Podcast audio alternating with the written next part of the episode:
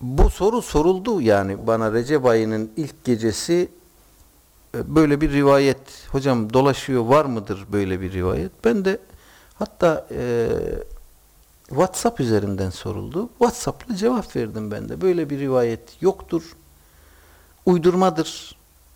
Hadis alimleri bunun uydurma olduğunu açıkça söylemişler. Bu defa karşı taraftan şöyle bir mukabele geldi. Bunu nakleden insanlar kaynağıyla naklediyor. Siz uydurma diyorsunuz. E evet ben de o kaynağı biliyorum. O kaynak uydurma hadisleri toplamak maksadıyla yazılmış bir kaynak. Ve o kitapta bu hadisi nakleden, zikreden alim, hadis alimi diyor ki bu uydurmadır.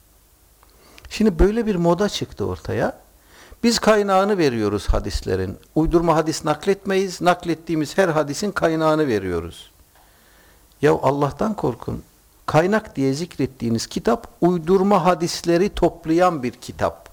Yani bu kitabı yazan alim demiş ki ey ümmet bak ben bu kitapta uydurma hadisleri toplayacağım. Bunları okuyun öğrenin. Hadis diye nakletmeyin. Nakledenler olursa da buradan açın bakın. itibar etmeyin onlara. Bu hadis uydurmadır deyin. Bunun için yazmış. Şimdi biz adamın maksadını 180 derece terse çevirmişiz. Biz kaynağını veriyoruz o zaman bu uydurma değildir diyoruz.